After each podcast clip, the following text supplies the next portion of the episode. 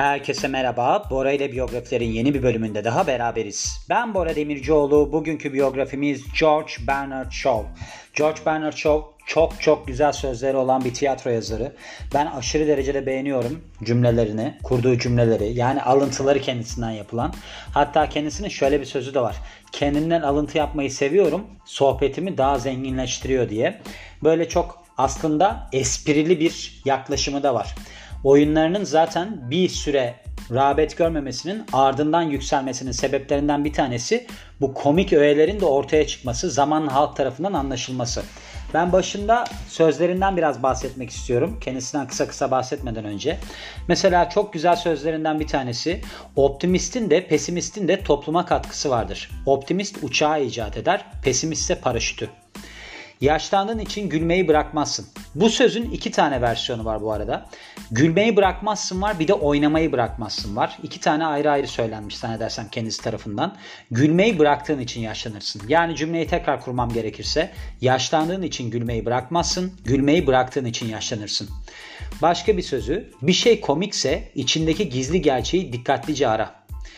Başka bir sözü, aptal bir adam utanacağı bir şey yaparsa her zaman bunun görevi olduğunu iddia eder. Sessizlik en mükemmel küçümseme ifadesidir. Bilim 10 tane daha problem ortaya koymadan bir problemi çözemez. Suikast sansürün aşırı bir formudur. Bir de son olarak şeyden bahsetmek istiyorum. Winston Churchill ile aralarında geçen bir konuşmadan. Winston Churchill ile George Bernard Shaw bir türlü anlaşamıyorlar. Ve bu yüzden sürekli atışıyorlar birbirleriyle.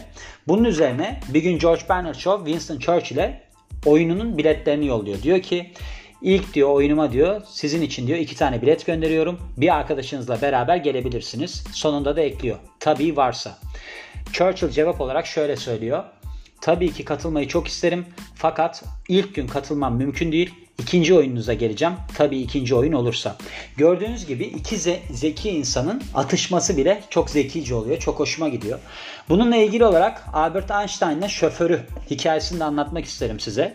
Çünkü ben böyle aslında hani dolu şeyler konuşmayı çok seven birisiyken sadece monolog konuşmalarda nedense dolu konuşmaya başladım. Öyle enteresan bir durum oldu yani. İnsanlarla bazı insanlar haricinde konuşacak konular bulamıyorum. Einstein'ın şoförü hikayesi de şöyle. Einstein zamanında okullara, üniversitelere gidip konuşmalar yapıyor. Kedi teorilerini açıklıyor filan. O sıralarda da bir şoförle beraber gidiyorlar. Yani o üniversitelere götürüyor. Tabii ki televizyon filan olmadığı için Einstein'ın suratını bilen kişi az. Bir gün giderlerken gene bir okula konferans için şoförü diyor ki kendisine ben diyor sizin diyor anlattığınız şeylerin hemen hemen hepsini biliyorum. O yüzden diyor aslında ben çıksam ben de anlatabilirim sizin anlattıklarınızda.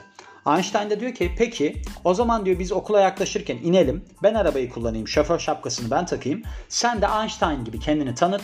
Çık bakalım anlatabiliyor musun? Anlaşıyorlar. Gerçekten de gidiyorlar. Konferansı şoförü veriyor. Ve Einstein izliyor diyor ki gerçekten de bütün hepsini takır takır anlattı diyor. Ve konferanstan ayrılırken Oralarda tabii ki Einstein'ı çekemeyen başka profesörler var. Bir tanesi yanına yanaşıyor. Şoförün, Einstein sandığı şoförün. Ve diyor ki size diyor bir sorum var. Böyle çok zor bir soru soruyor. Şoförü de biraz bekledikten sonra adamın da hoşuna gidiyor. Bilemeyeceğini düşünüyor. Cevabı şöyle oluyor. Bu soruyu sorduğunuz için gerçekten kendinizden utanın. Ben bu soruya cevap vermeyeceğim. Şoförüm cevap versin diye şoförümü çağıracağım diyor. Einstein'ı çağırıyor. Einstein tabii ki cevabı veriyor. Ve böylece zekice bir manevrayla yani oradaki profesör o kadar saçma bir soru sorduğuna ikna oluyor ki işte zeka budur dedirtiyor kişiye. Şimdi George Bernard Shaw ile ilgili baktığımız zaman 26 Temmuz 1856 doğumlu Aslan Burcu ve de 94 yaşındayken ölmüş. Gerçekten hani biraz daha yaşasaymış ölmeyecekmiş galiba. Ve Known As kısmında gene Bernard Shaw yani değişen bir şey yok. İrlandalı, Dublin İrlanda doğumlu ve de oyun yazarı olarak tanıyoruz. Boyu da 1.88. Ölüm tarihi de 2 Kasım 1950. Şimdi bakalım devamında kimdir? George Bernard Shaw kimdir? George Bernard Shaw İrlandalı oyun yazarı, edebiyat eleştirmeni ve de bir sosyalist ki aslında 1925 yılında Nobel ödülünü kazanıyor edebiyat alanında. Orta alt sınıf bir aileye mensup olarak Dublin'de, Dublin'de, Dublin'de diyorum, Dublin'de dünyaya gelen Bernard Shaw babası tarafından aslında çok ilgi görmeyen bir çocuk. Çünkü babası alkolik. Ve kendisinin de böyle son derece düzensiz bir eğitimi oluyor. 15 yaşındayken de çalışmaya başlıyor. Çalıştığı şey böyle bir hani memur diyelim o şekilde çalışıyor ve annesiyle beraber yaşamak için bir süre sonra Londra'ya taşınıyor. Bu hikayeyi anlatacağım birazdan annesiyle yaşamak için neden taşındığını. Oyunlar yazıyor burada ve romanlar yazıyor. Aynı zamanda da kendisi edebiyatta bir kariyer peşinde gidiyor. Sonrasında kendisine hem tiyatro hem de sanat eleştirmenliği dalında böyle bir isim ediniyor. Aynı zamanda da Fabian Society'nin önde gelen bir üyesi haline geliyor. Bu da baskın bir İngiliz sosyalist organizasyonuymuş. İlk oyunları genellikle sosyal problemler üzerine odaklanıyor ve böylece seyirci tarafından beğenilmiyor. Ancak 1895 yılından itibaren şovun eserleri içerisindeki komik öğeler sebebiyle beğenilmeye başlanıyor. Bu zaman içerisindeki oyunların arasında Caesar ve Cleopatra, Major Barbara, The Doctor's Dilemma, Saint John ve Pygmalion var. Bu Pygmalion da sonrasında filme de adapte edildi. Yanlış hatırlamıyorsam okudum ben bunu öyle olması gerekiyor. Ve Oscar aldı hatta uyarlamasıyla bu screenplay ile. Ve aslında kendisinin en büyük sahne başarılarından bir tanesi bu Pygmalion oyunu. Son derece açık sözlü bir sosyalist olarak Shaw kendi görüşlerini Birinci Dünya Savaşı ile ilgili olarak ortaya koymaktan çekinmiyor ve bunun sonucunda da büyük eleştirilere uğruyor ve savaştan sonra dramatist olarak görevine devam ediyor. Yani yerini sağlamlaştırıyor ve Nobel'de edebiyat ödülünü kazanıyor ve bu hani katkılarından dolayı oluyor yani edebiyat dalındaki. Böyle bir devamında İngilizceden şimdi direkt çevirdiğim için cümle ters gidiyor. Ben de böyle toparlamak zorunda kalıyorum. Hayatının geri kalanını uluslararası bir üne sahip kişi olarak geçiriyor ve ölümüne kadar dramayla ilgilenmeye devam ediyor. Hala İngiliz oyun yazarları, İngilizce dilindeki oyun yazarları arasında en önemli isimlerden bir tanesi sayılıyor ve zamanının tiyatrosuna şekil veren, şekil vermeye yardımcı olan kişilikler arasında yer alıyor. Şimdi çocukluğuna ve ilk yıllarına dönersek demin bahsettiğim doğum tarihinden tekrar bahsetmeyeceğim. Babası bir memur ve annesi ise ki ismi de Lucinda Elizabeth Gar Garley Shaw'muş. Hevesli bir müzisyen ve müzik öğretmeni, şarkıcı ve müzik öğretmeni. Kendisi üçüncü ve en küçük çocuğu ailenin. Kendisinin haricinde de iki tane ablası var. Şöyle hiçbir zaman şeyden hoşlanmıyor. George Bernard Shaw böyle bir müfredat eğitiminden hoşlanmıyor. Bu sebeple düzensiz bir eğitim alıyor. Bakın ben size bir şey söyleyeyim mi? Ben de bu müfredat eğitiminden nefret ederdim. Yani ben okulda acayip başarısız bir öğrenciydim. Ama şu var. insanların bazıları buna uygun değil. Ben ona karar verdim. Yani ben hiç uygun değilim mesela. Şimdi ben işte master falan yaptım yani ki master benim için çok güzel bir eğitimdi. Çünkü master'da beni çok özgür bıraktılar. Ben istediğim şeyleri yaptım ve yani çok yüksek bir ortalamayla bitirdim. Ama onun haricindeki hiçbir şeyde başarılı olamadım. Çünkü ben müfredat insanı değilim. Ben kendi kafama göre şeyler yapmalıyım. Nasıl ki biyografileri yapıyorum mesela her gün. Çünkü ilgimi çeken kişileri işliyorum. İşte bunun haricinde ben antrenörüm mesela beslenme uzmanıyım. Yani benim işim biyografi değil tabii ki. Orada da çok ilgiliyim mesela. Çünkü değişik şeyleri sürekli araştırmayı seviyorum ben. Ama bana benim istemediğim bir şeyi asla yaptıramazsınız. George Bernard Shaw'un da böyleymiş durumu. Yani ben bu durumda kendimi yalnız görmüyorum. O açıdan çok seviniyorum. Ben mesela üniversite sınavına hazırlanırken hangi bölümde okuyacağımı bilmiyordum. Çünkü okumak istediğim bir bölüm yoktu. Öyle enteresan bir şey vardı yani. Herkese sorarlardı mesela üniversitede ne okuyacaksın falan. Yok mühendis yok bilmem ne filan. Ben düşünürdüm acaba ben ne okuyacağım diye. O yüzden yani demek ki bazı insanların yapısı buna uygun olmuyor. İlk olarak eğitimini bir din adamı olan amcasından alıyor ve ardından da böyle yerel okullara kaydedilse de hani böyle gitmek istese de sonunda böyle bir resmi eğitim almadan tamamlıyor yani eğitim kariyerini. Devamında da böyle edebiyata karşı annesinin etkisi sebebiyle bir ilgi duymaya başlıyor. 1872 yılında annesi kocasını terk ediyor ve demin bahsettiğim gibi Londra'ya taşınıyor. Buraya taşındığı kişi de kendisinin müzik öğretmeni ve uzun süreli aşığı George Vandeleur Lee'miş. Yani aşığıyla kaçmış annesi öyle söyleyelim. Kızlarını da yanına alıyor. Bu sırada George Bernard Shaw Dublin'e geri dönüyor babasıyla beraber ve emlakçı olarak çalışıyor. Ancak tabii ki bu iş kendisini tatmin etmiyor. 1876 yılında Shaw Londra'ya taşınıyor annesiyle beraber. Yani annesiyle beraber yaşamak için ve yazım ve de gazetecilik üzerinde kariyer peşinde koşuyor. Sonraki birkaç yıl boyunca Shaw zamanının çoğunu İngiliz Müzesi'nde okuma salonunda geçiriyor ve pek çok roman yazıyor ancak bunları yayınlatmayı başaramıyor. Bu süre zarfında da finansal olarak zorluk çekiyor ve aynı zamanda da kardeşi yani kız kardeşleri ve annesiyle yaşamanın beraber yaşamanın utancını duyuyor. Kariyerine bakarsak böyle bir yazar olma çabalarındayken ve sürekli olarak hüsrana uğrarken George Bernard Shaw şey olarak kademeli olarak politikaya yöneliyor ve sosyalist bir sözcü olarak görev yapmaya başlıyor diyeyim yani. Hani böyle bir ortaya çıkmaya başlıyor. Ardından da sosyalizmi kucaklıyor ve Fabian Society'ye katılıyor. Bu da sosyalist bir politik organizasyon kendisini İngiliz toplumunu dönüştürmeye adamış bir toplulukmuş bu. Shaw Fabi, Fab, Fabian Society için dersler vermeye başlıyor ve böyle gelişen bir gelişen sanat üzerine ne bileyim ne derler buna el kitap, el ilanları yayınlamaya başlıyor. Ardından da çoğunda yaptıkları, gerçekleştirdikleri aktivitelerin çoğunda yer almaya başlıyor. Bu süre zarfında 1885'te kendisine bir hem kitap eleştirmenliği hem de sanat eleştirmenliği dalında kalıcı bir gazetecilik işi de buluyor. Hani onları eleştiriyormuş yani yerinde köşesinde. 1895 yılında tiyatro eleştirmeni olarak Saturday Review'da görev almaya başlıyor. Bunu da 1898 yılına kadar devam ettirmiş. Bunu da kendisi istifa ettiği yılda yapıyor. Yani o yıla kadar devam ettiriyor. Bu istifa sebebi de hastalığıymış. Kaç yılında ölmüştü bu adam? Ona bir bakalım.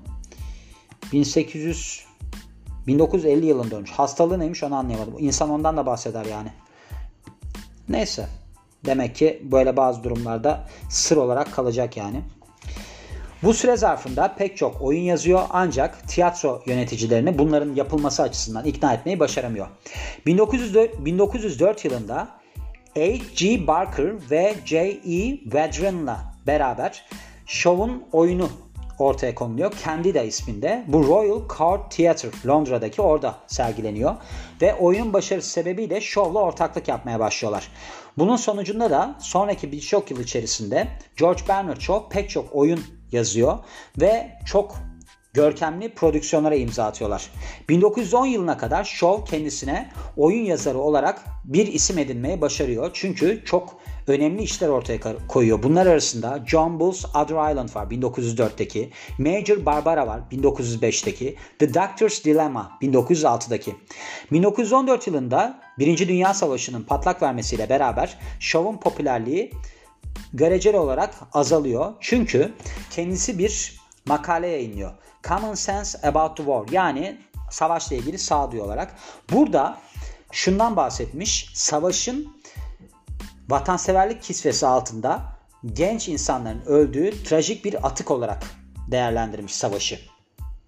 Ve tabii ki yayınladığı bu makale son derece büyük eleştirilere kurban oluyor ve kendisinin aslında toplumdaki yerini zedeliyor. Savaştan sonra kendisine yeniden bir tiyatro yazarı olarak yer ediniyor 1921 yılında ve 5 oyundan oluşan bir koleksiyon yayınlıyor. Back to Methuselah. Bu da insan evrimini konu alıyormuş. 1923 yılında bunu başka bir oyunu takip ediyor. Saint John. Sonraki 10 yıl boyunca oyun yazarlığı yapmaya devam ediyor ve bu yazdığı oyunlar arasında The Apple Card 1929 yılında, Too True To Be Good 1931 yılında ve On The Rocks 1933 yılındaki oyunları var. İkinci Dünya Savaşı'nı takiben pek çok oyuna daha imza atıyor. Bunların arasında Farfetched Fables 1948, Shakes vs. Saw 1949 ve Why She Would Not 1950 var. Hayatı boyunca bu şey oyun yazarlığına devam ediyor. Ölümüne kadar devam ediyor. Büyük işlerine bakarsak 1912-1913 yıllarında en popüler oyunu bir başyapıt olarak nitelendirilen Pygmalion'ı yazıyor ve bu aslında İngiliz sınıf sistemiyle alakalı ve de aşkla alakalı bir hani gentle comedy yani ne derler buna bir hafif geçen, teğet geçen bir komedi diyelim yani. Kibar bir komedi diyelim. Pygmalion büyük bir başarı ve büyük bir ün kazanıyor. Filme de çevrildikten sonra 1938 yılında. Senaryosunu da Shaw kendisi yazıyor ve bununla ilgili olarak da Oscar kazanıyor. Aynı zamanda son derece ünlü bir müzikal olan My Fair Lady'ye de adapte ediliyor. Ödüllerine ve başarılarına bakarsak 1925 yılında George Bernard Shaw Nobel ödülü, Edebiyat Nobel ödülünü kazanıyor.